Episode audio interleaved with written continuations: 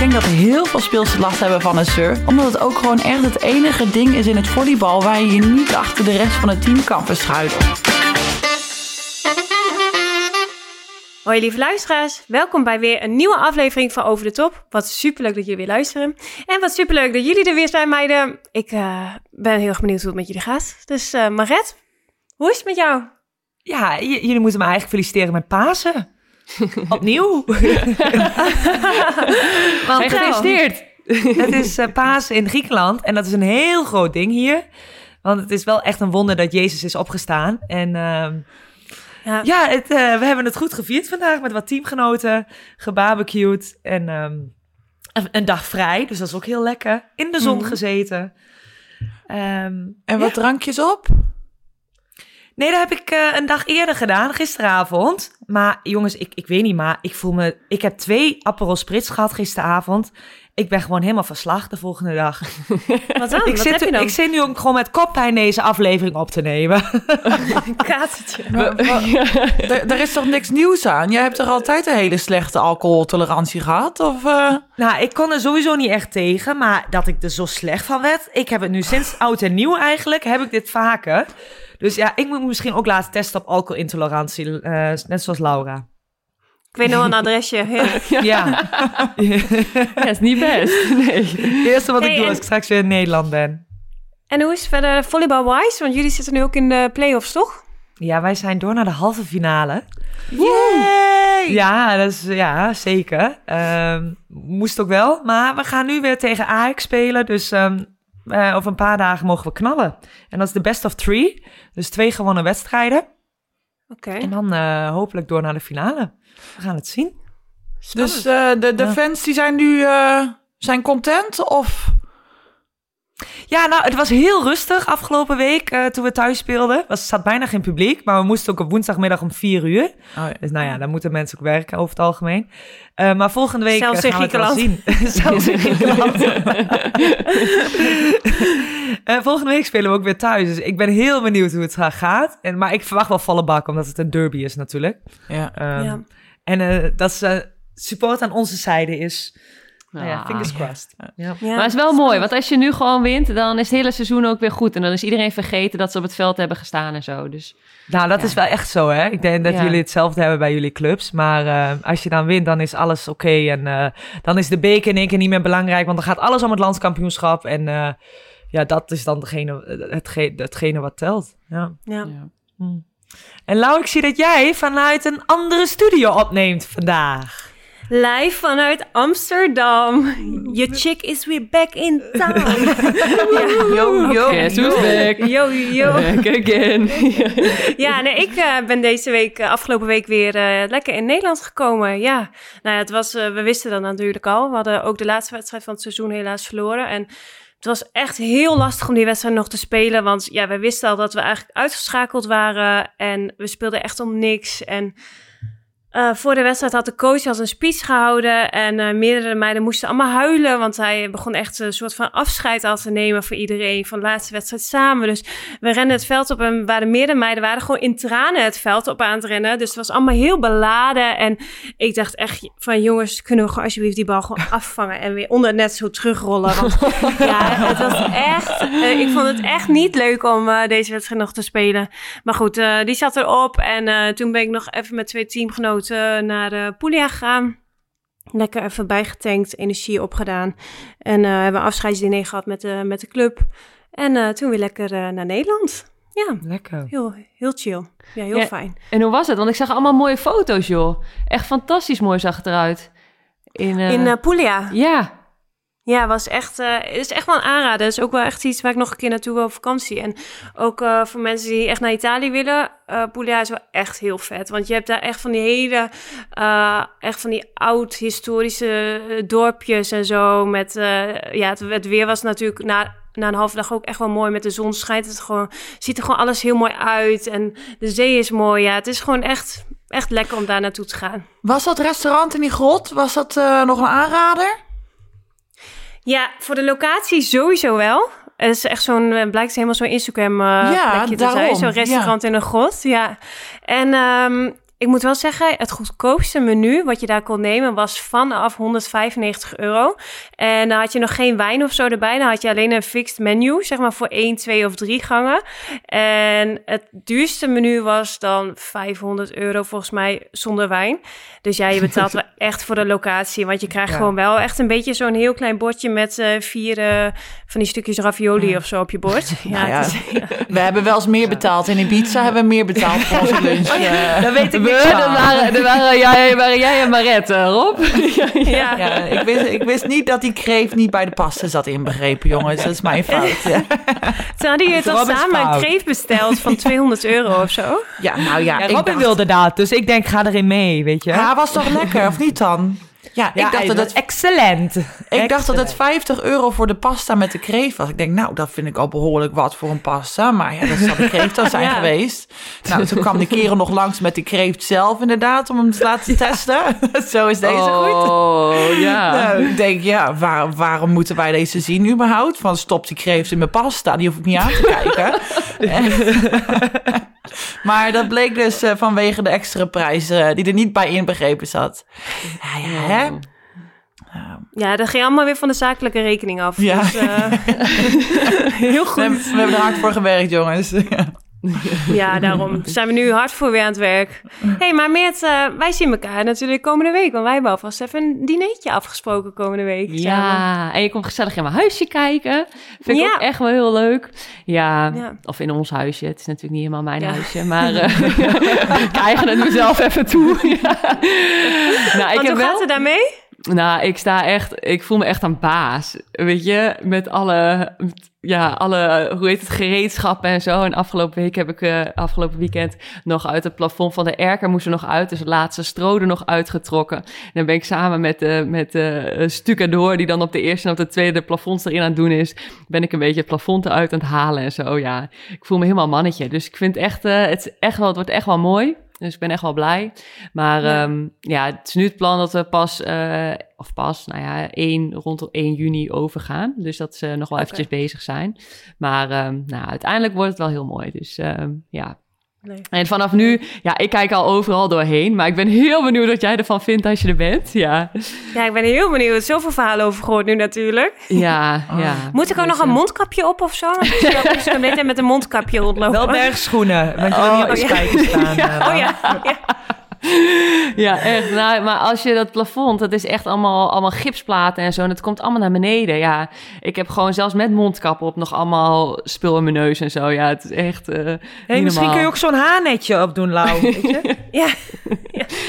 ja. ik zou. foto's sturen. Ja, ik zal even goed schoonmaken voordat je komt. Ja, helemaal looppad, dat je ja, helemaal uh, veilig er doorheen kan.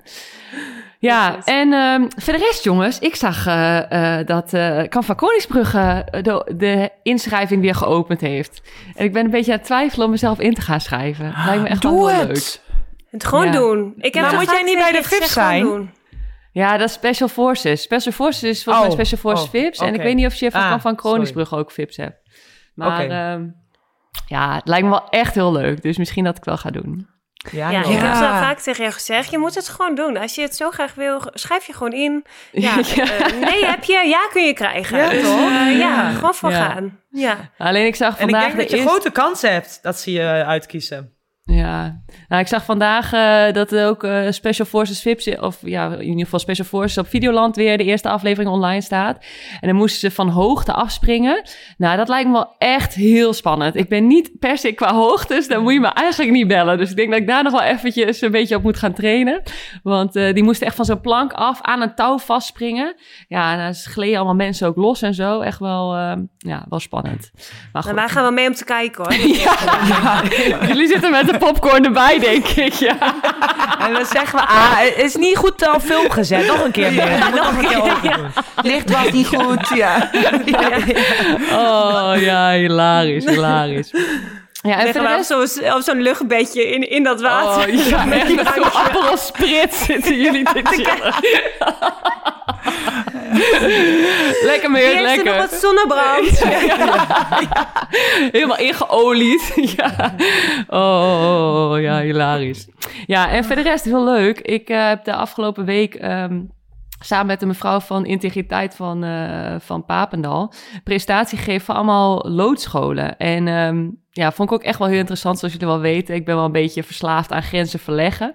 Maar um, het was echt wel heel interessant om uh, eigenlijk allemaal docenten van loodscholen nou, een beetje uh, te vertellen hoe mijn weg is geweest. Ik ben natuurlijk expert op het gebied van scholen, middelbare scholen, loodscholen. Ik heb op vijf gezeten. Dus um, ja, echt wel, echt wel heel mooi. Maar ook wel ergens ook wel verdrietig. Want na ons kwamen ook wel uh, een aantal sprekers die gewoon echt braken over hun topsportcarrière en over hoe moeilijk zij het vonden. En uh, nou ja, dat in het voetbal, dat um, uh, nou ja, als ze dan een telefoontje kregen, dat ze afvielen en zo, hoe dat allemaal ging. Dus um, toen dacht ik ook wel van, nou ja, soms besef je dat misschien ook niet helemaal.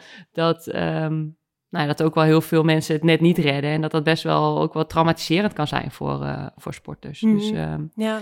ja. Dat was ja. toch ook zo in die, uh, in die tennisdocu, dat in tennis, dat had ik me ook nooit beseft, dat maar één iemand wint, zeg maar. De ja. rest verliest altijd wedstrijden. Ja. Dus je, hebt je, altijd, je verliest dan zoveel wedstrijden, dat je dat iedere keer daarmee moet om moet gaan. En er is maar één die wint natuurlijk. Ja, dat hebben wij in volleybal gelukkig, heb je iedere week weer een wedstrijd die je kan winnen tenminste. Ja, gaat echt wel snel, ja. Ja, en ook als je bijvoorbeeld kijkt naar het voetbal, zijn zoveel voetballers natuurlijk ook, zeg maar, voetbaltalenten. Mm -hmm. En uh, de, zeg maar, op die dag was er ook die, een van de jongens die had de voetbal, of dat de docu gemaakt, de voetbaldroom of zo.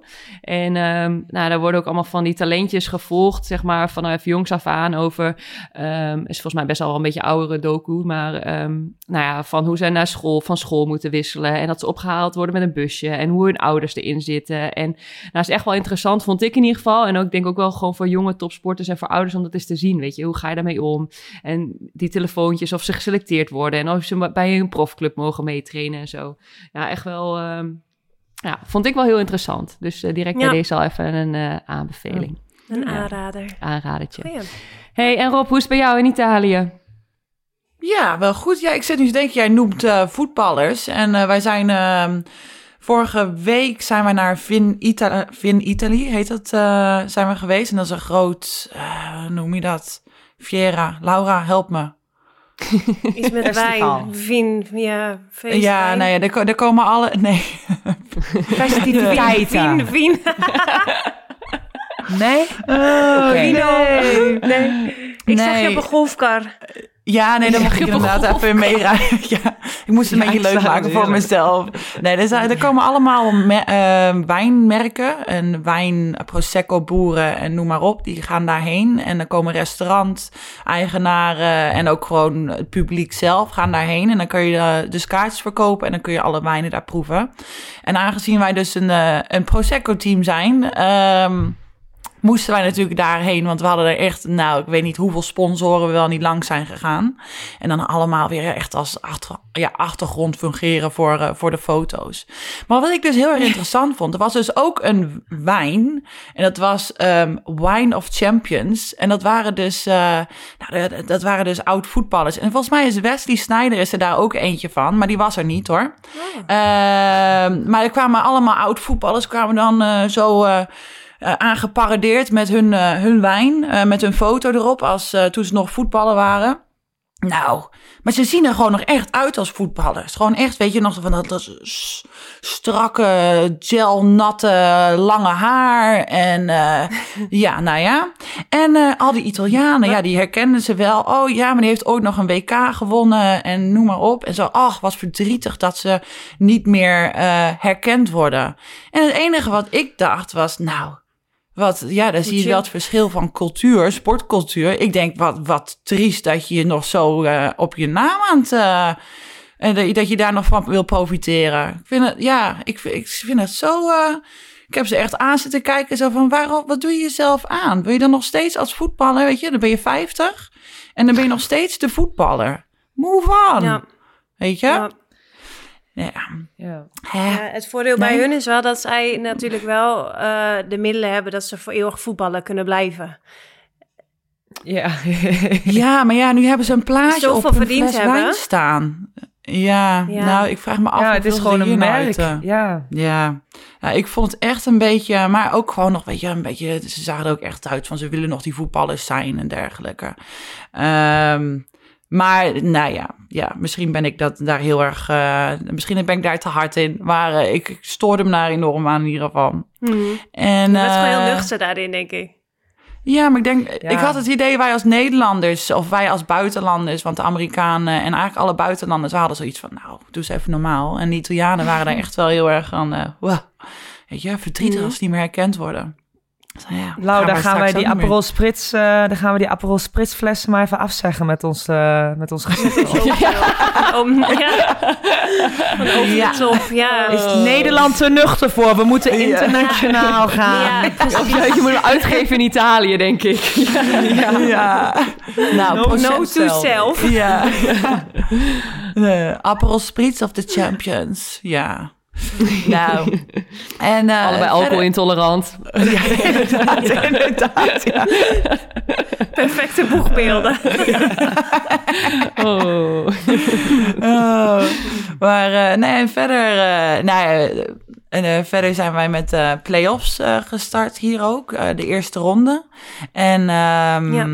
nou, dat was wel even een heel ander begin dan dat we um, verwacht hadden. In de zin van uh, dat, dat zij twee dagen voordat de play-offs begonnen, dat we het nieuws kregen dat um, uh, een speelster, een Italiaanse speelster uh, van Novara, een jonge meid, um, zelfmoord heeft gepleegd. Ja. Dus daar, daar hebben wij een minuut stilte voor gehad, uh, voor gehouden voor de wedstrijd. Uh, geen, geen muziek tijdens de warming-up. Nee, en ook tijdens de minuut stilte dat um, ja, een aantal meiden van ons team en ook het team waar we tegen hebben, hebben gespeeld, die, die hebben met haar samengespeeld. Een aantal jaar met haar samengespeeld in de jeugd. dus dat was, ja, dat was gewoon emotioneel. En Um, ja. Nou, de eerste 15 punten heeft het publiek zich ook helemaal stilgehouden, uh, want zijn rugnummer was 15. Dus um, um, ja, het was, het was wel een, uh, een uh, beladen wedstrijd wat dat betreft. Ik denk dat het misschien ja. goed is om voor de luisteraar even uit te leggen dat het om in, inderdaad de Italiaanse speelster van Novara gaat, Giulia Ituma.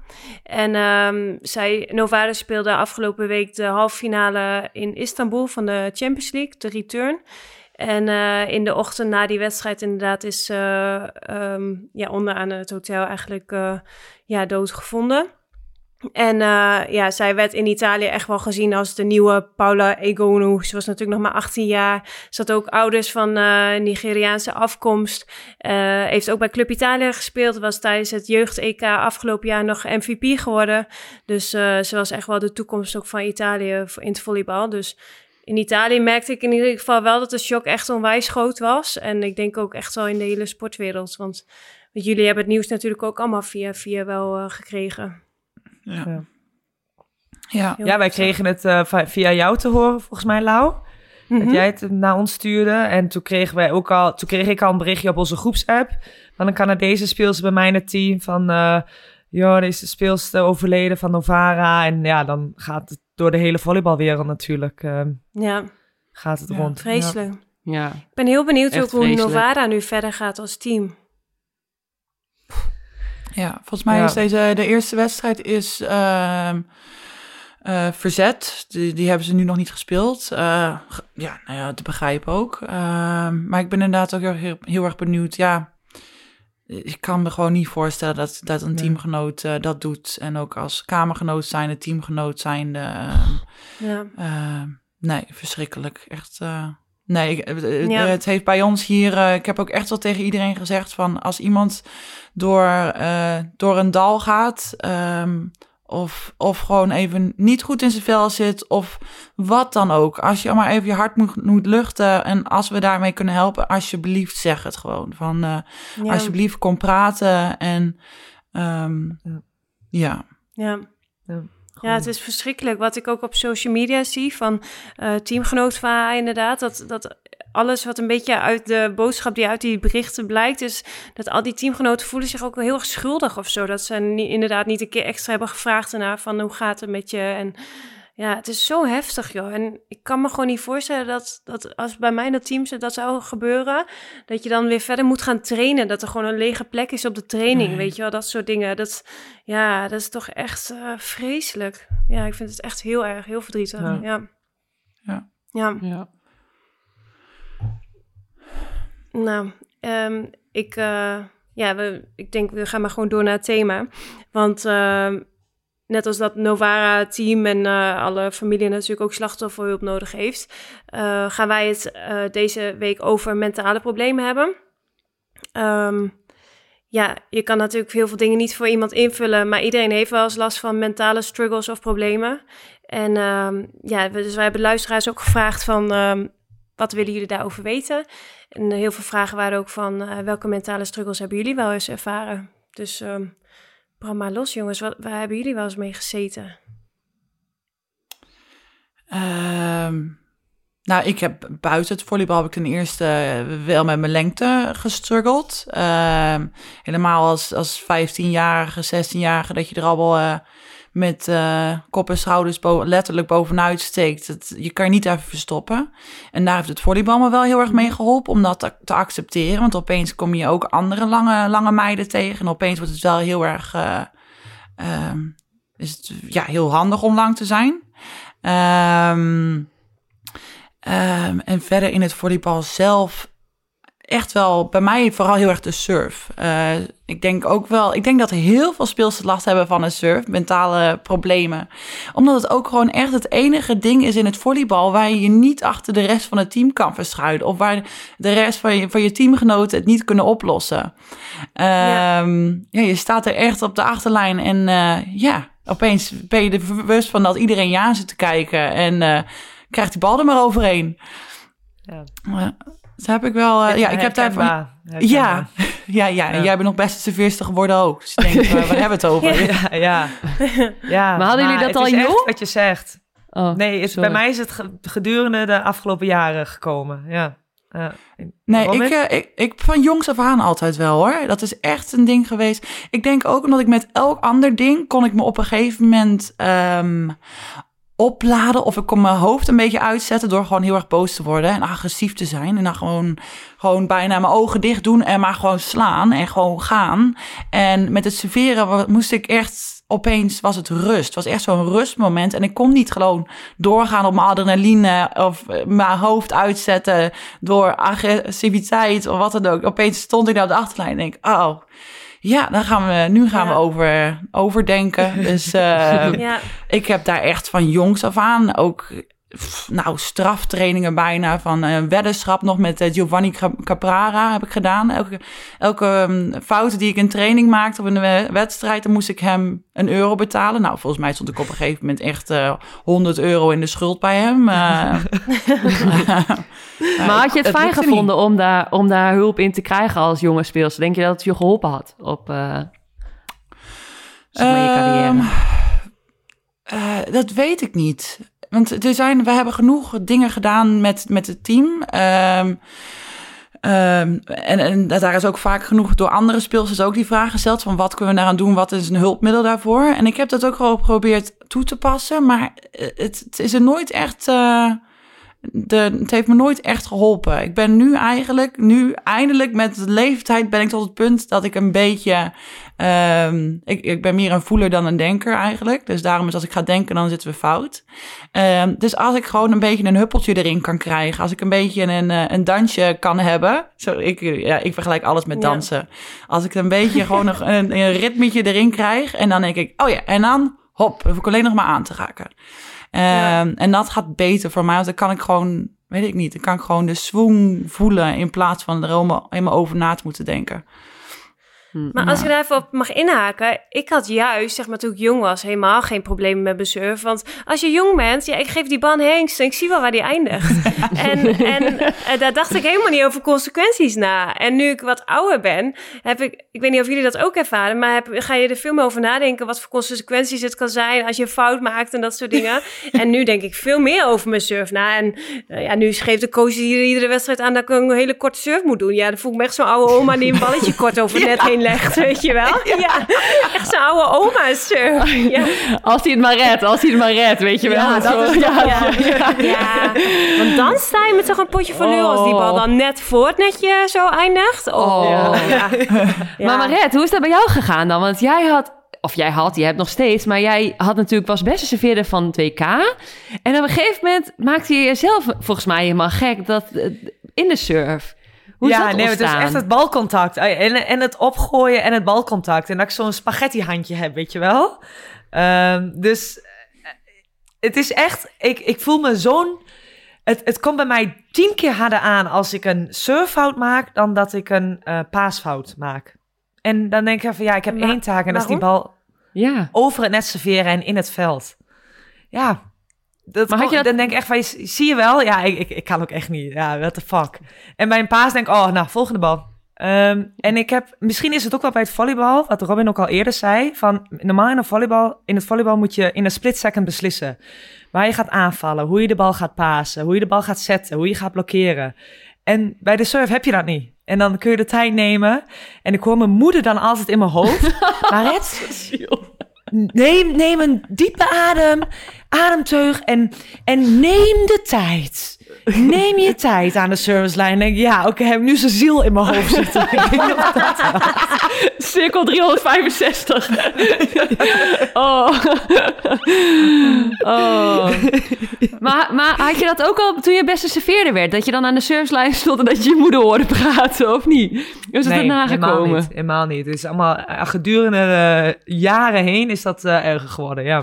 ja. Maar denk je ook En ik moet ook misschien... wel zeggen, dat beste serveerster ja, ik wou net zeggen, denk je ook dat het komt met de druk van, van die titel hebben? Je bent beste serveerster en dan opeens zijn de verwachtingen hoger, van, want je hebt die titel. Dat ook wel, ja. Eh, maar ook wel, um, want ik ben beste serveerster geworden, maar weet je, soms piste ik de eerste twee ballen over het net en we hadden een goed blok. En daarna had ik wel vertrouwen om die surf beter te doen. Want als je na twee, drie, vier keer achter elkaar serveert, dan voel je je steeds beter en kun je meer risico nemen. En ja, ik wil mezelf niet tekort doen, maar ja. Oké, okay, gaan we alleen niet doen geweest. ja, denk ik. Maar oké. Ja. ja. Uh, daar nog ter op terugkomende met, met als je die titel hebt, uh, of dat, je, dat er verwachtingen zijn. Ik merk dat wel, dat daar, daar heb ik misschien naast de surf, heb ik daar ook wel mee, ge, mee gestruggeld of ze zeggen struggles, vond ik wel een lastiger aspect. Want wat jij zei, Lau, van uh, als je jong bent, dan is er geen druk, er zijn geen verwachtingen van. Uh, eigenlijk, je hebt de, de meest luxe positie die je kunt hebben. Want je mag fouten maken en er mogen, je mag stomme dingen doen, want niemand verwacht iets van je. Je kan gewoon volgaan en als het lukt, dan lukt het en dan is het mooi meegenomen. En als het niet goed gaat, joh, weet je. Uh, ik ben jong mhm. en uh, niemand, had, niemand had meer verwacht. Maar op een gegeven moment, als het dan wel, als je een beetje leuk meedoet en dan op een gegeven moment wat presteert, wat wint, dan basis wordt. En dan worden, komen er opeens verwachtingen van de buitenwereld en misschien ook wel verwachtingen van jezelf. En ik vond dat op een gegeven moment ook nog best lastig. Zo van, oh ja, ja, maar dan ga je alles over, ja, over denken, over nadenken. Um, Ja, wat mhm. zullen de mensen nu wel niet denken? Oh, ik heb een slechte wedstrijd gespeeld. Oh, wat, wat, uh, ja, dan opeens maak ik het allemaal niet meer waard. Uh, waar, niet waard. Het ging ik hing aan je lippen. maar had je, uh, Robin, had je dat meer in het Nederlands team of meer bij je club? Um, ik denk meer bij de. Uh, nee, beide, denk ik. Um, Ik denk dat het bij allebei tegelijk wel een beetje. Um, tegelijk op hetzelfde moment uh, door, door ben gekomen wat dat betreft. Uh, want ik mocht op een gegeven moment dan met het Nederlands team uh, beginnen met spelen. Vond ik trouwens wel heel erg lastig ook. Dat was wel een groter echt scheidingspunt. Op het moment dat de oudere generatie ermee ophield en opeens mocht ik alles spelen. Moest ik alles spelen. En toen hebben wij ook nog die Olympische kwalificatie gehad. En ik had het idee dat ik er toch gewoon zo nog niet klaar voor was. Um, en dat was dat 2015 toen... bedoel je? Kwalificatie? Nee, de kwalificatie daarvoor um, in okay, 2012. Uh, ja. Um, Turkije was dat. Ja. En ik, ik was er ook gewoon nog niet klaar voor. Dus uh, dat, heeft wel, dat was wel een hele goede ervaring. Maar ik was ook wel heel erg blij dat Quinta toen op een gegeven moment erin kwam. Uh, en, en het uh, overnam en, en dat het speelde. Maar het voelde wel echt. Uh, ja, alsof ik tekort had gedaan. zo van ik mocht spelen en toen kwam het er allemaal niet uit. Um, Ja. En heeft het dan ook eigenlijk niet te maken met je eigen verwachtingen ook, toch? Ja, want dat is het ook zo. Want ik weet helemaal niet wat de verwachtingen van de buitenwereld zijn. Van dat, dat is gewoon echt een beeld wat ik er zelf van heb gemaakt. Van, oh ja, de mensen zullen mhm. nu wel van mij verwachten. Ja, dat is gewoon mijn eigen... Dat is in mijn eigen hoofd. Ja. Nou ja, ik heb dat wel herkenbaar hoor. Want ik heb het bijvoorbeeld met... Uh, met vrienden of familie wel eens, als ze dan uh, komen kijken. En dat is vooral dan met het Nederlands team. En dan uh, zeggen ze van, ja, maar speel je wel of zo, weet je wel. en dat ik me dan heel erg verplicht voel of zo. Of um, het gevoel heb dat ik me moet verontschuldigen of zo, als ik niet speel. Of, weet je, voor mij in mijn hoofd is het prima, weet je. Ook met het Nederlands team bijvoorbeeld afgelopen jaren heeft Brit veel gespeeld. Ja, dat is gewoon een teamproces en dat is normaal. En ik heb daar vrede mee. Maar daar voel ik me soms uh, ja, voel me toch een beetje een soort van druk of zo. Dat ik denk van, oh, ja, voor hun. Zij vinden het leuk dat als ik speel en heb ik een beetje het gevoel dat ik ze teleurstel of zo. Dat klinkt misschien heel dramatisch. Het is niet dat ik daar echt mentale probleem van heb, maar dat gevoel, dat kan wel een beetje aan je gaan knagen of zo. Dat je denkt van, oh, shit, ik speel niet. Oh, dat vind ik, uh, vind ik lastig tegenover meer mijn vrienden en familie dan, zeg maar. Ja. ja, want zij zijn dan in de auto gestapt en zijn misschien lang onderweg en, die, en komen voor jou en vinden het dan leuk en dan voel je een beetje, ja, ja. ja en ze bedoelen er ook niks mee als ze dat zeggen. Maar, maar ja, het is toch uh, wat ik. Dan zijn mijn eigen interpretatie weer dat het dan ja, druk maakt of zo. Ja. Ja. hey, maar Meert, jij hebt geen surf die jij moet doen uh, in volleybal, waar je mentaal mee kan struggelen. heb jij iets in het volleybalveld waarvan je denkt van, oh, dat, daar heb ik echt wel mee gestruggeld of zo? Nou, ik vond bijvoorbeeld aan het begin toen ik libero was, vond ik best wel lastig. Omdat ik, um, nou ik was natuurlijk gewend om aanvaller te zijn. Als je dan een foutje maakt, bijvoorbeeld je serveert fout of je maakt een paasfoutje, kun je het altijd goed maken. Kun je altijd uiteindelijk op nul uitkomen of zo. En als libero, nou, kun je eigenlijk alleen maar fouten maken. Op het moment dat je één fout hebt gemaakt, ja, dan sta je al in de min. Ja, dat komt nooit meer goed. en dan vond ik aan het begin vond ik dat best wel lastig. Moest ik daar echt wel mentaal een beetje, zeg maar, ja, leren of zo. Omdat ik dacht van, ja Ehm, ik heb nu een fout gemaakt. En meestal ook als ik één fout maakte, dan werd ook, ja, maakte ik mezelf gewoon helemaal gek. Want ik dacht, ja, ja, vond ik best lastig. En totdat ik op een gegeven moment echt wereldspeelsters, zeg maar, fouten zag maken. En dacht ik, oh, weet je, die kunnen ook een foutje maken. Dat het me voor een soort van realiseerde van, oké, weet je, het is menselijk, kan gebeuren. Iedereen maakt fouten. En uh, daardoor kreeg ik er een beetje rust in. Maar dat vond ik aan het begin echt wel mentaal echt wel lastig. Ja, ja. Maar ja, en hoe hadden jullie dat dan bijvoorbeeld met uh, blessures? Want Marietje, je hebt natuurlijk wel langer ook een blessure gehad. Ja, Lau, jij natuurlijk ook met je pols en zo. Hoe, hoe was... ook met de knie, jij met ja. de knie. Ja, allemaal. Ja, Hoe, hoe vonden jullie dat, zeg maar? Want dan ben je ineens uit een teamproces, sta je er in je eentje voor. Hoe was dat voor jullie mentaal? Ja, ik vond dat wel pittig, ja. Ik, ik raakte geblesseerd in Frankrijk aan mijn Achillespees, die had ik afgescheurd. En mijn toenmalige partner had hem een half jaar eerder afgescheurd. En die was in vijf maanden weer fit. Dus ik denk, ja, Maret Gottus kan dat ook binnen vijf maanden. Uh, maar dat was dus absoluut niet het geval. En ik heb in totaal elf maanden over gedaan met de revalidatie en weer terug op het veld op te komen. Um, maar ik ben wel gelijk uh, niet meer naar trainingen gegaan, alleen maar naar wedstrijden gegaan in Frankrijk. Ook nog een maand naar Nederland uh, terug, uh, teruggereisd, want ja, ik kon niks. Ik, mijn voet zat in het gips en ik kon, ik kon mijn reet nog net afvegen, maar voor de rest had ik ook al moeite met douchen. Dus ja, wie doet dat dan? Als teamgenoot heb je daar ook alleen maar last van. Dus ik was heel blij dat ik toen naar Nederland kon.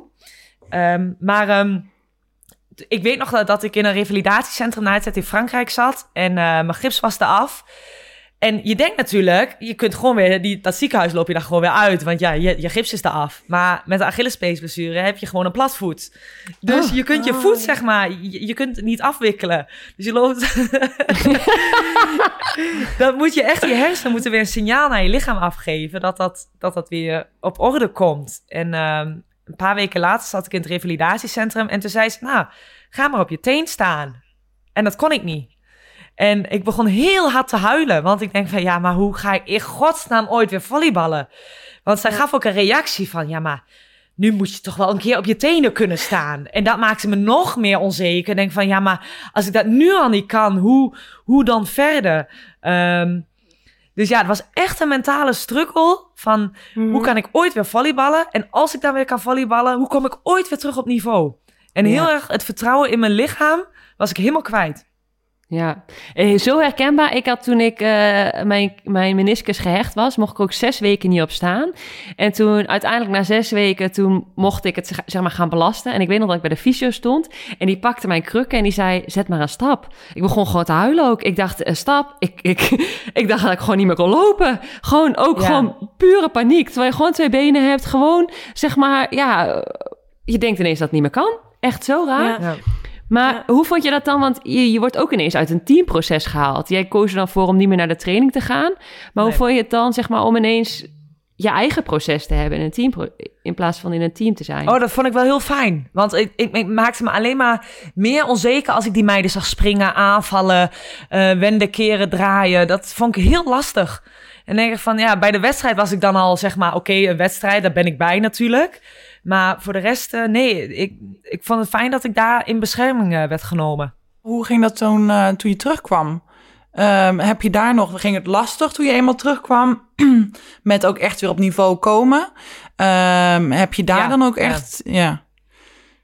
dat er ook echt onzekere ja, momenten zeggen wel van hoe lang je daar, ja, ja, hoe lang je eruit bent, elf maanden. Het duurt ook weer elf maanden om terug te komen op niveau. Hmm. Nou, dat was het niet helemaal, maar het heeft me wel drie, vier maanden gekost om weer te denken van, oh, maar ik, ik kan nog wel redelijk mee op, op niveau. Ja. Ja. Maar jij hebt natuurlijk ook een blessure gehad aan je knieën op. En het was voor mij, volgens mij, voor jou nog de vraag of jij überhaupt nog zou kunnen volleyballen op dat moment. Hoe ben je uh, daar toen mee omgegaan? Uh, ja, eigenlijk best wel goed. Um, goed zo. zo goed. nee, ik heb wel, ja, ik denk dat mij eigenlijk wel een beetje, ik heb een beetje een mentaliteit van, als het niet meer kan, dan komt er wel iets anders op mijn pad. Um, en dat had ik wel heel erg jammer gevonden, had ik het niet meer kunnen doen, maar um, ik bleef er, ja, ja, deed niet heel veel. Ik werd er niet heel onrustig van of zo. Ook omdat het op dat moment zoiets was van, ja, ik kan er nu toch niks aan doen. Dus we gaan wel gewoon zien hoe het, hoe het gaat. En, uh, nou ja, en wordt het niks, dan uh, overleef ik het wel weer. Um, maar inderdaad, met het terugkomen, ja, ik had een, uh, infectie in mijn knie gehad. En uh, dat, die knie die bleef gewoon dik. En het terugkomen duurde lang. En uh, ik ben op een gegeven moment wel gaan meetrainen. En ik weet echt god niet hoe ik met jullie heb meegetraind. Uh, oh, want ik voelde serieus. van jou toen. Ja, nou, ik rende en ik voelde serieus gewoon het vocht in mijn knie. Plop, plop, plop, plop plop, plop. En zo heb ik dus gewoon een training meegedaan, nou, meerdere trainingen meegedaan met springen, of dus de springen geprobeerd, een klein hopje, um, en bewegingen. Um, ja, nee, dat was ook. Uh, ik, werd er. Uh, ja, nou ja, dat was dus een beetje het proces. van uh, we gaan kijken of ik terug kan komen. En ja, hoe gaat dat? En ook wel geleerd om af en toe gewoon een stap terug te doen. Want ik had wel heel erg na die infectie. Ehm, heb ik echt moeten leren het moment dat mijn knie dik werd. Want die werd gewoon heel vaak dicht. Als we een, een hebben gespeeld of twee wedstrijden achter elkaar, werd hij gewoon dik. Dus je wordt gewoon heel erg um, met je neus op de feiten gedrukt door je eigen lichaam. Dat het niet meer is zoals het ooit was. Um, maar dat het ook gewoon af en toe even wat rust nodig heeft. En nou ja, ik denk dat dat ook niet verkeerd is om een keer... Uh, Um, om hier bewust van te worden. Ik denk dat we dat allemaal op een gegeven moment krijgen met uh, de ouder dat we worden. Um, maar ik, maar ja, nee, ik, ik, had het, ik had het jaar, oh, ik had het jaar daarvoor, voordat, het, uh, voordat ik die knieoperatie heb gehad, uh, denk ik dat ik mijn beste, beste volleybal ooit heb gespeeld. Dat was het eerste jaar in Imoko. Mm. Um, en daarna heb ik dan een, een, nou, een kleine blessure, een kleinere blessure gehad en daarna nog mijn knie. En ik heb wel het idee gehad, zo van, ik, ik ben nooit meer helemaal teruggekomen hoe ik dat op dat moment was. En dat heeft me ook nog wel onzeker gemaakt en gefrustreerd en dan zoekende van, hoe kom ik daar weer? En mm daar moet je op een gegeven moment, heb ik ook wel een beetje vrede mee gehad, van, dit is het nu eenmaal. Van, meer zit er gewoon dan niet in. Um, ja. Maar heb je daar ook hulp of zo bij gehad? Hebben jullie daar in het algemeen hulp bij gehad? Zeg maar, stel je voor je krijgt een blessure, je hebt een sportarts dan en een fysio waar je heel intensief mee bezig bent. Maar is er dan ook bijvoorbeeld een psycholoog of een mental coach of zo bij? Nee. Nee, bij mij niet. Ik weet, nee. Ik weet nog toen bij mij in Duitsland wel dat een psycholoog naar mij toe kwam en die zei tegen mij van, uh, praat jij wel positief tegen jezelf en tegen je knieën, want dat kan helpen. Ik weet dat die heeft dat toen wel tegen mij gezegd. En uh, dat teamgenootjes ook wel, uh, zeg maar, met hun mond tegen mijn knieën op een gegeven moment aangingen. en allemaal verhalen gingen vertellen. Weet ik heb heel positief tegen je knie gesproken, ben nooit aan mij weer terug. ja, maar ja, dat was natuurlijk ja. een beetje grappend ook. Maar nee, Um, zit wel een kern van waarheid in natuurlijk. Nou, ik geloof wel dat... Ja, ja, ik geloof ook wel. Gedachten zijn krachten, toch, Lau?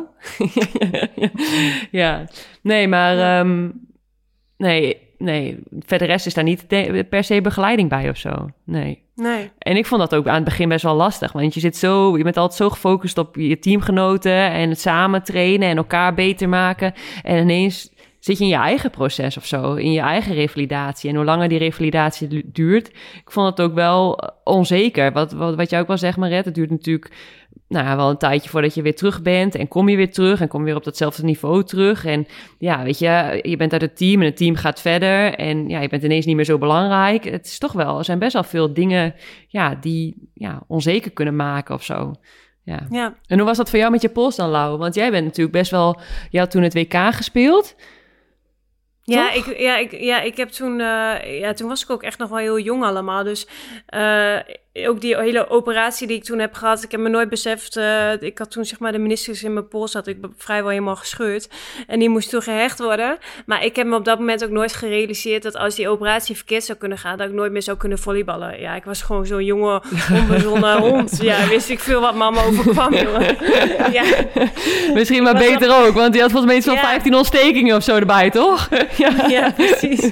Dus nee, dat was allemaal maar beter dat ik dat toen niet wist. En ik, ik merk wel nu in de inderdaad dat uh, op deze leeftijd, met nu met blessures, ben ik er wel veel bewuster mee. En wat je zegt van, eh, wordt het ook wel wat onzekerder of zo? Niet dat ik me heel erg onzeker voel, maar het is wel van, inderdaad, uh, haal je dat niveau nog weer. Ja, je gaat gewoon aan je eigen lichaam twijfelen op een gegeven moment. En dat is gewoon echt geen chill gevoel, ja. vind ik.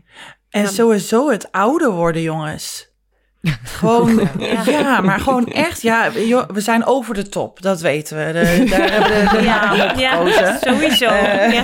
Maar ik vind, het, ik vind het soms best wel heel, ja, best wel confronterend hoor. Om dan, uh, ja, dan zie ik al die jonge guppies uh, rondvliegen en hey, hey, eerste bal, aanvallen, yeah.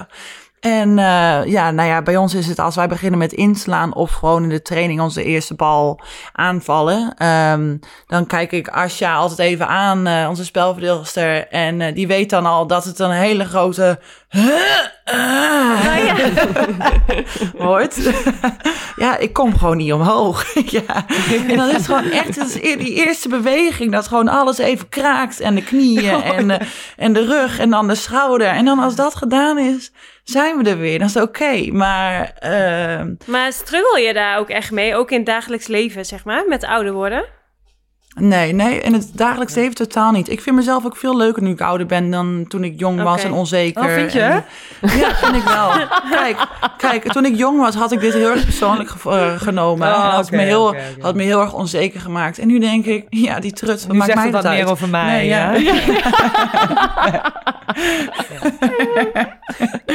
nee, maar ik vind het, oh. maar er, er, is wel een punt geweest, oké, in het volleybal, um, dat je dus ziet dat je, dat je ouder wordt en dat er een volgende generatie aankomt. En ik ben nu op dat punt bij de club, waar ik niet heel veel meer speel, of dus niet alles meer speel, waar dat vorig jaar nog wel was. En dat is ja. in eerste instantie vanwege een buitenlandenregel. Maar ik zie die jonge meiden en die doen het goed. En die, weet je wel, dan denk ik, ja, zo ging het bij mij eerst ook. Van had ik ook een arm en dat ging allemaal. En, mm. en ja, ik zie wel echt dat ik, uh, ja, de nieuwe generatie komt eraan. Dat vind ik best wel, heb ik soms vlagen dat ik dat best wel confronterend vind ook. Ja. En ook wel aan de andere kant heel erg leuk. Maar het is wel ja. van, uh, je, je ja. moet wel even in de spiegel kijken van, oh ja, nou dat... Uh... Ja, die tijd voor acceptatie, zeg maar, dat, dat, dat is gewoon, dat heeft even tijd nodig of zo. Het is wel confronterend inderdaad. Ja, ja. Maar Robin, praat de coach dan bijvoorbeeld ook tegen jou van, nou oké, je speelt nu minder, of dat hij wat onzekerheid wat dat betreft weghaalt bij jou? Uh, nou, dat is wel een voordeel. Ik heb een hele goede band met, met de coach. Ja, ik heb zeven jaar met hem samengewerkt en um, ik weet dat hij ook heel veel vertrouwen in mij heeft. Um, en Ehm, en ik weet ook de reden waarom ik nu niet, niet alles speel. En ik weet ook dat ook al, want dit probeer ik dan mezelf ook te vertellen. Ehm, ik weet ook dat, ook al speel ik niet zoveel en ook al doen die jonge meiden het heel erg goed, dat ik nog steeds net zo gewaardeerd word. Door de club, door de speelsters en door, door de hele, ehm, Mhm. ja, door, door, door alles hier. En, maar ik probeer me wel ook van waar ik nu de dingen die ik eerder zelf in het veld kon. ehm, ik ben me wel heel erg aan het aanpassen. Van, oh, dan probeer ik me daar in andere dingen dan weer waardevol te maken. Om daar het team maar te helpen. Dus het is wel, nou, het is wel een proces wat dat betreft. eh, Ja. Ja. Hey, jongens, laten we even doorgaan over eh, mentale hulp. Want eh, veel luisteraars vroegen ook van in welke zin wij mentale hulp of ondersteuning hebben gehad tijdens onze carrière. En ik ben er zelf eventjes over na gaan denken. En ik ben tot de conclusie gekomen dat, eh, dat wij hebben vooral met het Nederlands team best wel wat sportpsychologen en zo bij het team gehad. Maar dat was altijd best wel gericht op het teamproces. Ik heb vrijwel haast nooit echt één op één zeg maar, begeleiding gehad door een sportpsycholoog. Ehm, ik heb het zelf ook nooit opgezocht. Maar ja, wat vinden jullie daarvan? Wat zijn jullie ervaringen daarmee eigenlijk? Ja. Nee, ik, ik heb me uit kleine. Ik heb allemaal kleine ehm, handvaten heb ik uit alle eh, sportpsychologen die we van jeugd oranje, jong en oranje waarmee we hebben samengewerkt, heb ik daar wel kleine dingen uit meegenomen. Maar misschien ook wel omdat we met zoveel verschillende psychologen hebben gepraat en ieder weer zijn eigen manier had. Ehm, ah, vond ik het op een gegeven moment dat ik er ook een beetje jeuk van kreeg in de zin. ehm, Ja. ja, ja, ik weet niet. Dat het, niet het, het, het is misschien niet helemaal voor mij. Ik denk dat voor, ik moet mijn hart vooral luchten. En dan op een gegeven moment eh, dat gevoel vinden. Maar ik merkte dus ook dat er heel veel dingen zijn, handvaten die ze je geven. Daar moet je je wel heel bewust van zijn. En dat dan echt gaan toepassen en erover na gaan denken. En elke keer als ik dat heb geprobeerd te doen, werd juist dat nadenken dat het me een beetje tegen ging werken. Ehm, ja. Dan Dus- was het dus toch te algemeen. ja, dat denk ik dus wel inderdaad. En ik denk wel als je dus inderdaad individueel met iemand gaat praten, dat daar zeker, zelfs al om je hart te gaan luchten en, en dat daar Mhm. heel, ja, weet je, een luisterend oor eh, en, dan, en dan wat, wat tips eh, die je kunt toepassen die voor jou werken. Ik denk dat dat echt, ja, dat dat super is. Ja. Hebben jullie bij de club eigenlijk ook een psycholoog op? Of Nee. een, eh, iemand die Nee. je Er ondersteunt? zijn wel heel veel meiden en ook echt wel jonge meiden die, eh, die gewoon zelf al een, eh, een sportpsycholoog hebben opgezocht en daarmee samenwerken. Dus je ziet ook wel dat dat Oh, een goed. beetje aan het veranderen is en dat dat veel, eh, ja, veel normaler is om dat te doen. Ik denk dat het echt wel Mhm. een goede, goede verandering is. Ja. Want daar is echt wel veel winst te behalen, inderdaad. Ja. Ja. Ja, op Papendal hebben ze nu wel van die lifestyle of life, life skill coaches, heet het volgens mij. Maar eh, dat die meiden ook die eh, op Papendal zitten, en volgens mij iedereen die op Papendal zit, dat, dat je dus inderdaad wel, dat is een soort iemand waar je je hart bij kan luchten. En ehm, gewoon hoe gaat het met je en hoe gaat het op school en echt op alle gebieden eh, dat die ondersteund worden. Dus dat is wel echt, vind ik ook wel een hele goede ontwikkeling. En ook Ja. wel individueel, veel meer individueel. Ehm, en in Duitsland hadden wij ook wel echt wel iemand waar wij één op één mee praten. Dus, ehm, eh, of mee konden praten als je het nodig had, laat ik het zo zeggen. Dus dat was ook echt wel. eh, Heb je wel daar leuk. nooit gebruik van gemaakt? Nou, iedereen was verplicht om een kennismakingsgesprek, zeg maar, te doen. En ehm, ja, ik vind psychologie echt mega interessant. Ik heb een jaar psychologie gest- gestudeerd. Dus ja, al die, al, al die mm, ja, psychologen, sportpsychologen die langskwamen... ja, ik vond het altijd wel leuk en interessant. En ik was altijd ook wel een beetje geïntrigeerd, zeg maar, van die jonge sporters. Mega talentvol en die het dan niet redden... omdat ze dan mentaal ergens, zeg maar, vastliepen of zo. Of dat ze afhaakten of dat ze niet om konden gaan met de spanning. Of dacht ik altijd, hoe kan dat dan? En, en, en, en ja, eh, waarom worden die niet geholpen? Of, of, of hoe, hoe kan het, zeg maar, dat ze er niet, niet uitkomen? Dus ik heb dat altijd wel heel interessant gevonden. En ehm, ja, ik, ik denk dat ik uit heel veel psychologen wel iets gehaald heb. Eh, ik, ja, ik weet nog, we maken nu nog wel grapjes over, over Rico Schuijers, eh, cirkel 365. cirkel 1 was het hier en nu. Dat, weet je wat, dat je met taak bezig was. En wat, wat zijn we hier nu aan het doen? En wat moet ik doen? Wat is mijn taak? En cirkel 365. Nou, wie zitten er allemaal op de tribune? En eh, nou, wat ga ik morgenavond eten? En nou, dat soort dingen. Nou, daar moet ik nog heel vaak aan denken. En ook wel, zeg maar, als je dan een beetje weg... eh, weg, hoe zeg je dat, met je, met je gedachten weggaat. Focus weg. ja. ja. Ja, en in Duitsland, wat ik ook wel echt wel grappig vond. En op dat moment vond ik zelf vond ik het wel echt verschrikkelijk. Maar we hebben ook echt wel hele trainingen gehad met een psycholoog. Dat wij uh, moesten oefenen om of wij nou het punt maakten of het punt niet maakten. Dat we even enthousiast weer bij elkaar kwamen. En ook even snel. Dus niet zeg maar als we dan een punt, als we een verdediging in de actie niet hadden bijvoorbeeld. Dat je dan even naast de bal bleef liggen. Nee, je moest dan even snel opstaan en weer bij elkaar komen. En nou ja, echt totdat dat echt gewoon een hele training aan opgeofferd. En aan de ene kant dacht ik op dat moment echt van... Jezus, wat zijn we aan het doen met elkaar? Maar aan de andere kant, weet je... Je lichaam registreert alleen maar, zeg maar, datgene wat je zelf doet. En niet per se of je het punt of niet heb gemaakt of niet, zeg maar. En uiteindelijk, ik vind Duitsers om tegen Duitsers te spelen, ik vind ze altijd heel stug. En als je erop let, die zijn ook gewoon heel stoïcijns. Of ze nou een punt maken of niet, het lijkt er maar op alsof ze continu hetzelfde doen. Dus dacht ik ook wel Ja, maar net wat voor waarde, waardeoordeel je inderdaad aan het punt gemaakt, zeg, ja. zeg maar. Ja, ja, ja. Dus, uh, dat is wel een mooi waardeoordeel. Die moeten we meenemen in de server op. Ja, ja. ja. ja. Oh. Goed of fout, ik heb dezelfde glimlach. ik, heb een, ik heb gewoon een tip. Je gewoon nergens meer door laten raken. Gewoon gevoelloos door het leven gaan. dat, is echt, dat helpt echt. gewoon dood van binnen. Ja. Dood van binnen zijn. Oh, ja. Ja. En jij dan, Maret, heb jij... Uh, jullie hebben natuurlijk Kalmas, die, uh, die jullie uh, wijze lessen meegeeft.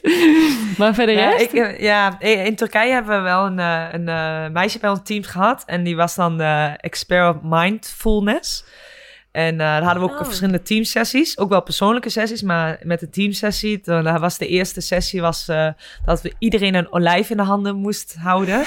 En op een gegeven moment moesten we naar de olijf gaan luisteren. Ja, ja, dan, dan, ja.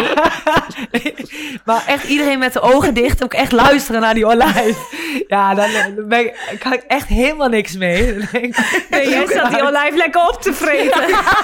Die had zo'n pit aan de oor. Eén nieuwe olijf hier. Eén nieuwe olijf hier voor mevrouw Godhuis. Dus ja, dat, dat is dan... Oké, maar aan de andere kant, weet je, je bent daar wel bewust van...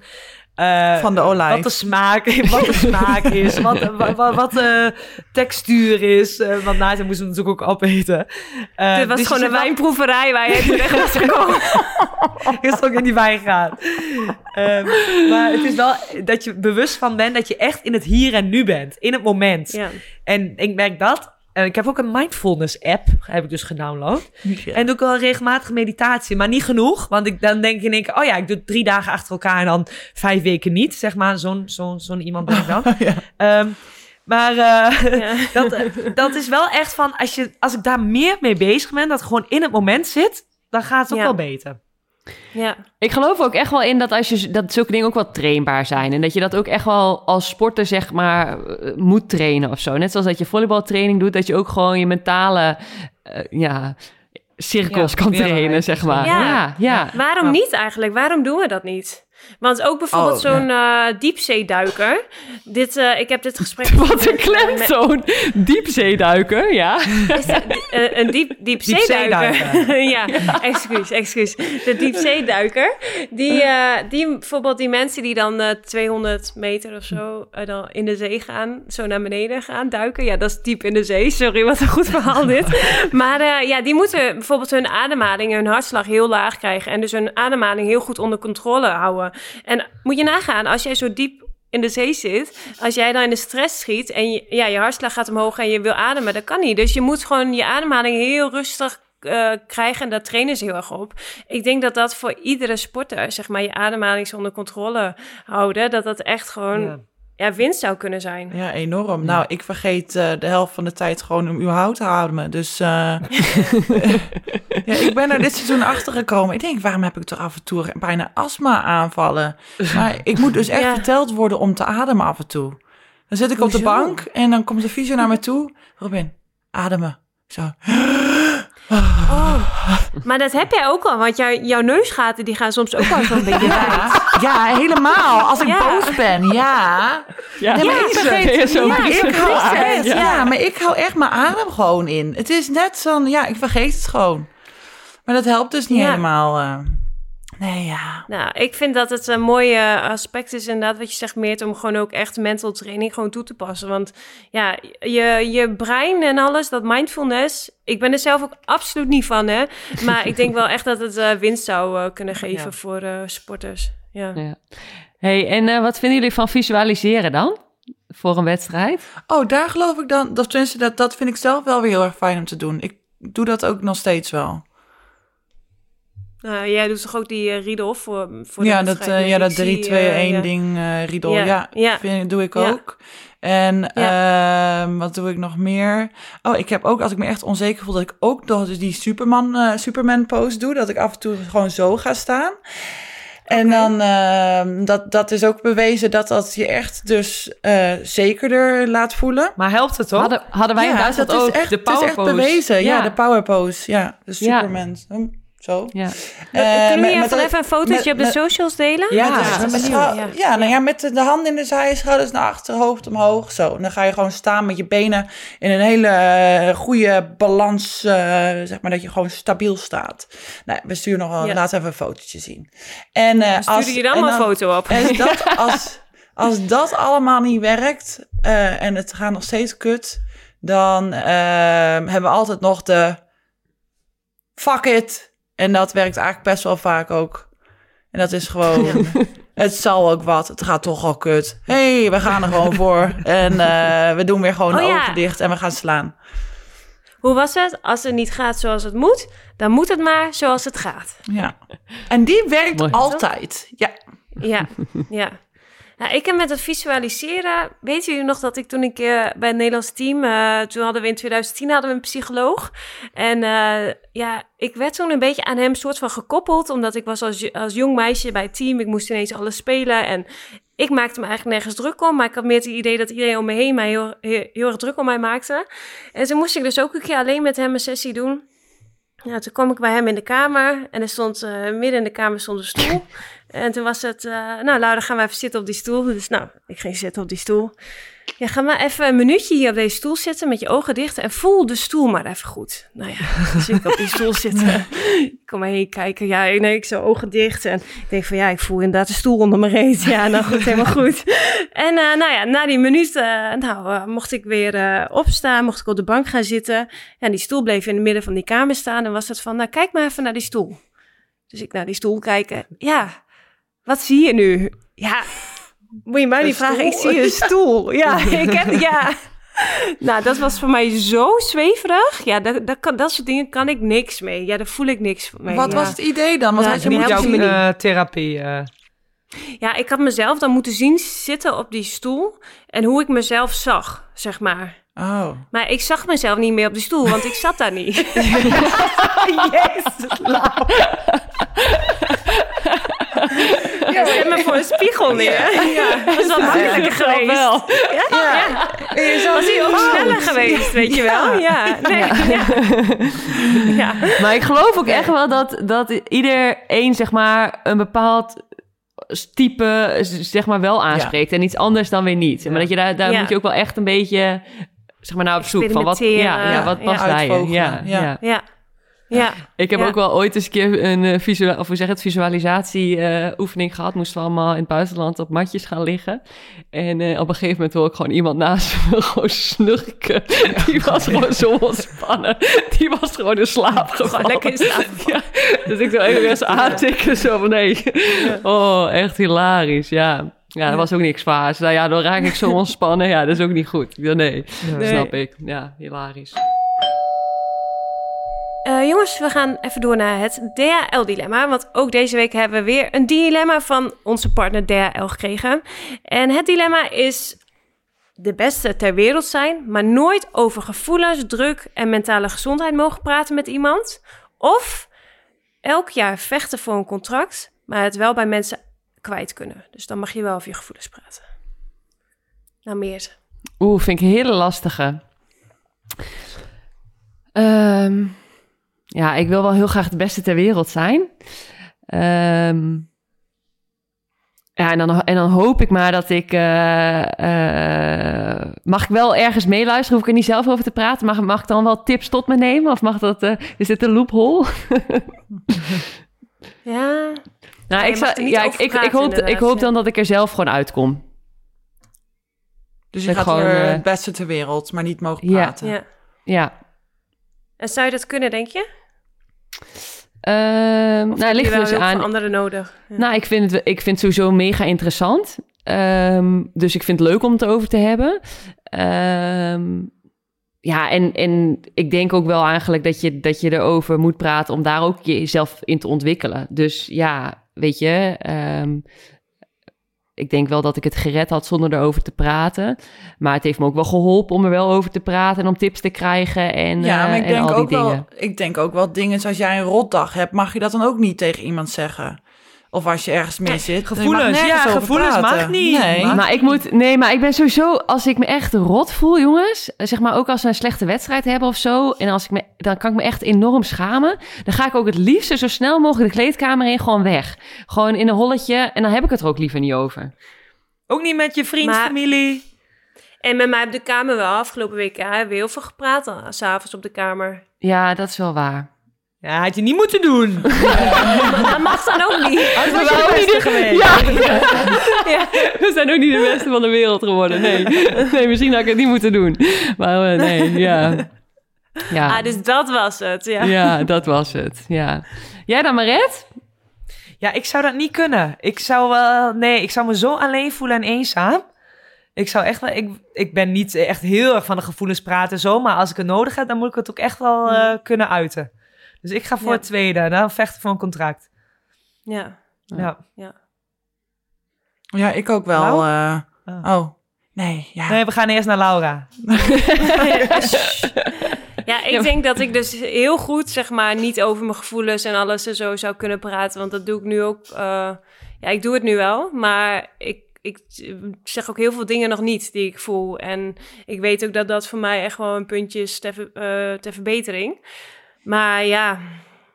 Ja, weet je, ik vecht nu ook ieder jaar al voor mijn contract. Dus voor mij vera- verandert er Ja. niet zo heel veel. Ja. Ja.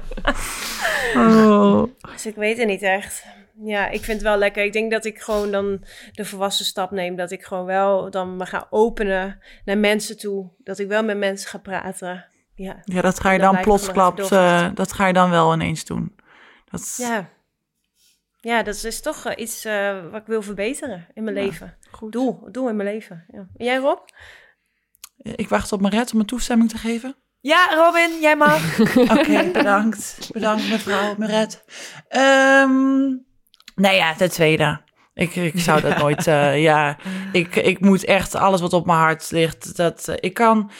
Het ding is niet met eenzaam zijn, of dus met alleen zijn. Ik kan heel goed alleen zijn, maar ik moet wel, als ik iets voel of als me iets dwars zit, moet ik het er gewoon uit kunnen gooien.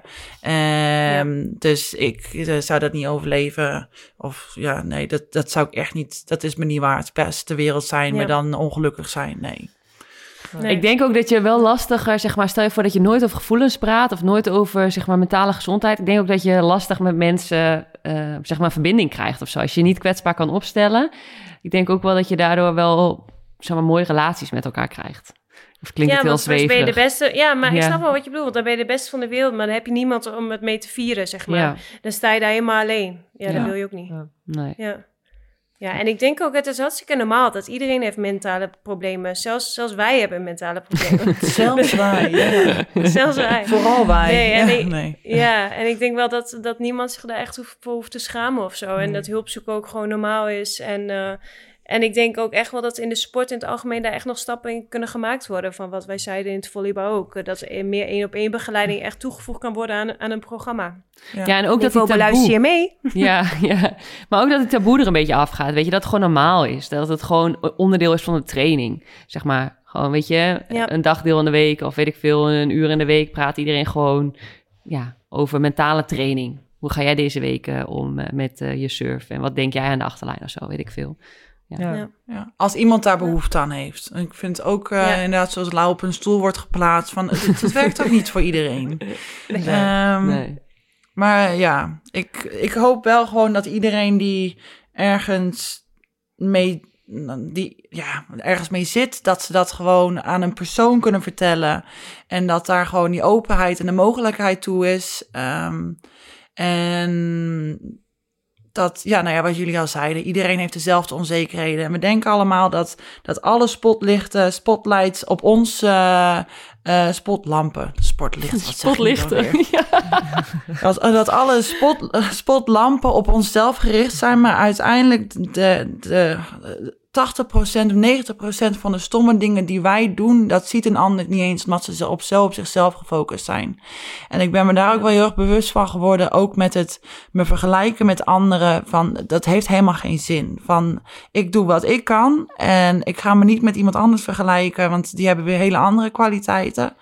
Um, zelfs ook als ik op een, een, als ik gespannen ben bij een nieuwe club kom en ik ben zenuwachtig, dan spreek ik dat ook gewoon uit. Dan weet iedereen dat ik zenuwachtig ben. En dan kom ik erachter dat eigenlijk de helft van het team super zenuwachtig is. Nou, dan is dat uitgesproken en dan kunnen we verder. Dus ik hoop gewoon. Ja, dat, dat was acht jaar geleden hè, dat jij bij een nieuwe club kwam. Ja, maar ik zou het nog precies zo doen. En ja. Um, ja, ik hoop gewoon uh, dat, dat, uh, nou ja, dat iedereen daar in ieder geval uh, misschien een beetje door geholpen kan worden om dat toe te kunnen passen of wat dan ook. Ja. Luisteraars, jullie mogen ook in onze DM's sliden, want Robin die antwoordt alle DM's over mentale problemen en onzekerheden. Dus kom maar door. Ja. Hey, meiden, we gaan hem afsluiten. Wat staat er nog op het programma voor de komende weken? Of hebben jullie nog een leuke tip voor luisteraars? Um... nou, ik kan niet wachten, want uh, Kopen zonder kijken gaat weer beginnen. Daar oh, heb ik oh, zo'n zin in. Oh ja. Bob, Bob, Oh ja, dat is helemaal een thema nu bij jou ook met ja. alles wat je doet. Ja. Maar ik vind het zo leuk. Ze hebben ook nu een ander programma. Ik weet even niet meer hoe het heet. Maar van die uh, bekende Nederlanders die uh, van die woningen gaan oh, ja. restylen en zo. Ook echt wel leuk. Ja, ik, ja, ik zit er echt helemaal in. Vind ik echt fantastisch. Dus kan niet wachten. Heeft iemand van jullie uh, Love is Blind gezien op uh, Netflix? Nee. Oh, ik ja. zit er helemaal in. Ja, nee, dit is echt uh, geweldig. Aanrader. Guilty pleasure. Is dat leuk, ja? Is ja, dat is toch heel erg een beetje een mix van Temptation Island en alles? Nee, het is wel... Uh, het gaat een beetje die kant op. Maar niet helemaal, want het zijn wel echt mensen die... Of tenminste, vooral mensen, helemaal het laatste seizoen... Mensen die echt op zoek zijn naar liefde. En die gaan met elkaar daten zonder elkaar ooit gezien te hebben. En er zit dus een muur in. En ze mogen elkaar pas zien op het moment dat, dat de een de ander uh, te huwelijk heeft gevraagd... Oh. en de ander ja heeft gezegd. Dan zien ze elkaar, gaan ze op huwelijk huwelijksreis. En dan, uh, en dan gaat op een gegeven moment normale leven in. En komen de telefoons uh, kunnen, komen erbij. Werk komt erbij, familie, vrienden. En dan kijken ze of die relatie daar nog steeds nou ja, uh, ja, nog steeds goed gaat. En dan uiteindelijk oh, wow. na acht weken, denk ik, dan is er daadwerkelijk de, uh, de bruiloft. En uh, nou ja, dan, dan, nu, nu krijg je te zien uh, wie er daadwerkelijk ja en wie er nee zegt. Het is heel leuk. Na acht weken, nou, dat is ook wel genoeg dan die tijd, toch? ja. Dan ken je elkaar door en door. Ja. ja. oh. En jij, Maret? Nee, ik heb eigenlijk verder helemaal geen tips. Ik heb uh, een Netflix-serie Marcella gezien. Geen aanraden wel drie seizoenen van gekeken, maar uh, voor de rest ja, ja.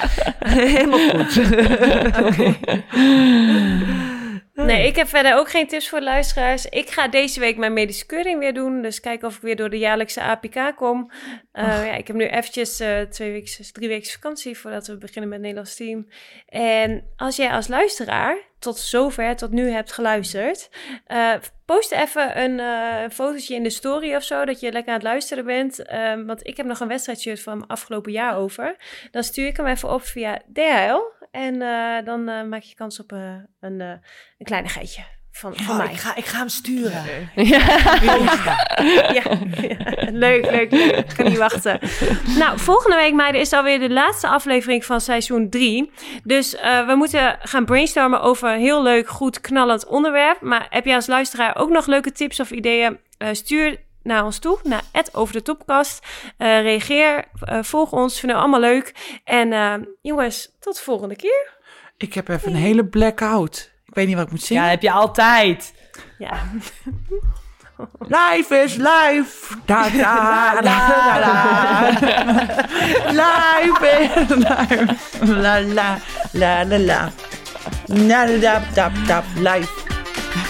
la, la, la, la. la.